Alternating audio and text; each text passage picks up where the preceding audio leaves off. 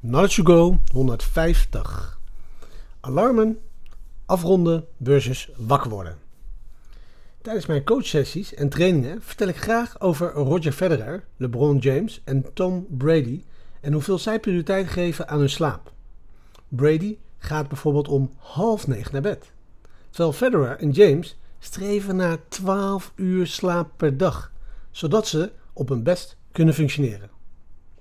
Vandaag wil ik het hebben over een ander geweldig idee uit het boek The Sleep Revolution van Ariana Huffingtons.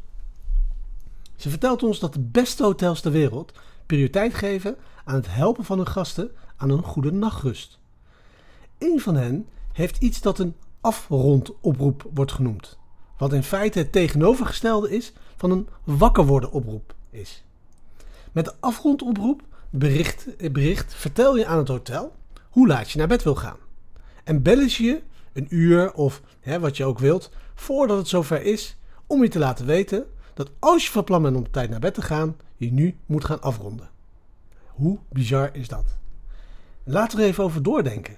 Wat zou je nou liever willen hebben? Een wekker die je in de ochtend wakker maakt? Of een wekker die je nachtelijke routine in gang zet, zodat je in de ochtend geen wekker nodig hebt?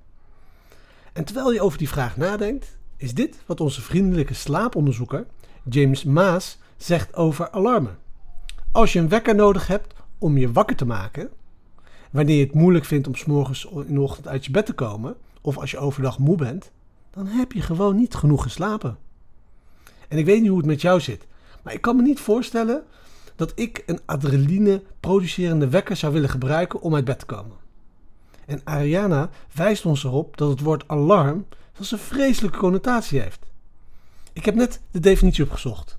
En het betekent een angstig bewustzijn van gevaar. Ja, nou, dat is dus niet een geweldige manier om een dag te beginnen. Maar goed nieuws. Als je vanavond een afrondalarm instelt, heb je morgenochtend misschien geen wekker nodig. En dat lijkt mij een goede deal. En als je hiermee akkoord gaat, hoe laat kan ik je bellen om ervoor te zorgen dat je vanavond op tijd afsluit? Op deze manier kunnen we onze slaap verbeteren, zodat we met vreugdevolle energie de wereld alles kunnen geven wat we hebben.